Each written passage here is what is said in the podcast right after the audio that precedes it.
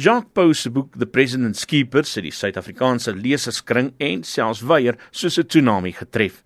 20000 eksemplare van die boek met plofbare inligting oor president Jacob Zuma is binne 2 dae nadat op die rakke geplaas is opgeraap en die uitgewer moes nog 20000 druk.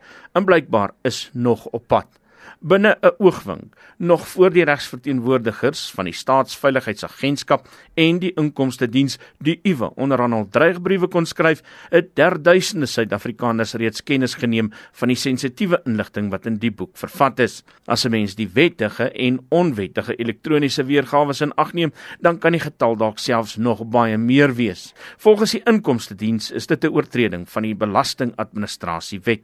Die prokureur Dr. Louwelen Kerloos sê die inkomste diens en die staatsveiligheidsagentskap het regtens 'n voet om op te staan. Dit beteken dat niemand, insluitend in die ontvanger van inkomste, mag enige inligting, persoonlike inligting van 'n belastingbetaler uh, uitgee nie. Dit is natuurlik om seker te maak dat persone wat selfs kriminele aktiwiteite verrig, te alle tye die ontvanger in hulle vertroue kan neem en hulle belasting betaal want dit is die regte ding om te doen. Maar dit is nie in sement gegiet nie, sê Kerloos. Dit gesê, is daar natuurlik ook 'n beginsel in die reg wat sê wanneer jy die waarheid praat en wanneer dit in openbare belang is van 'n aangeleentheid, dan is jy verplig en dan het jy volledig verweer teen enige uh, sogenaamde klagte van baie keer in die siviele reg laster uh, en natuurlik in die strafreg wanneer daar uh, een of ander vorm van kriminalioria te sprake is. Fluitjieblassers kan ook staat maak op vrywaring van oortreding van die tersaaklike wette, sê Kerloos. Dit beteken wanneer daar van jou verwag is na 'n positiewe verpligting op jou berus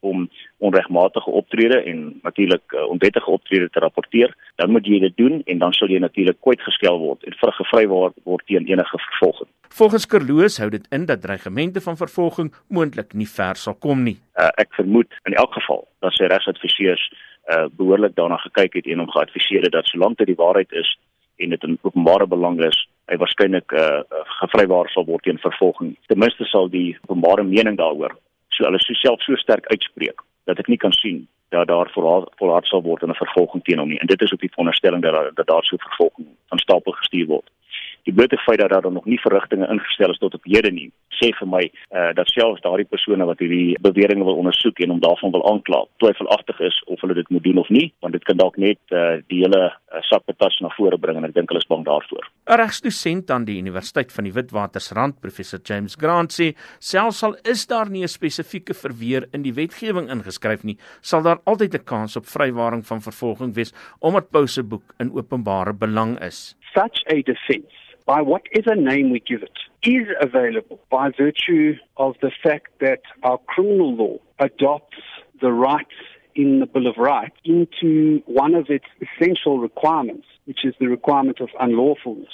So the effect of that is that if what a person does can be justified as an exercise of their right in the Bill of Rights, then bottom line, there cannot be criminal liability for that conduct. Dit was professor James Grant aan die Universiteit van die Witwatersrand. Ek is Isak Du Plessis vir SAIK nuus.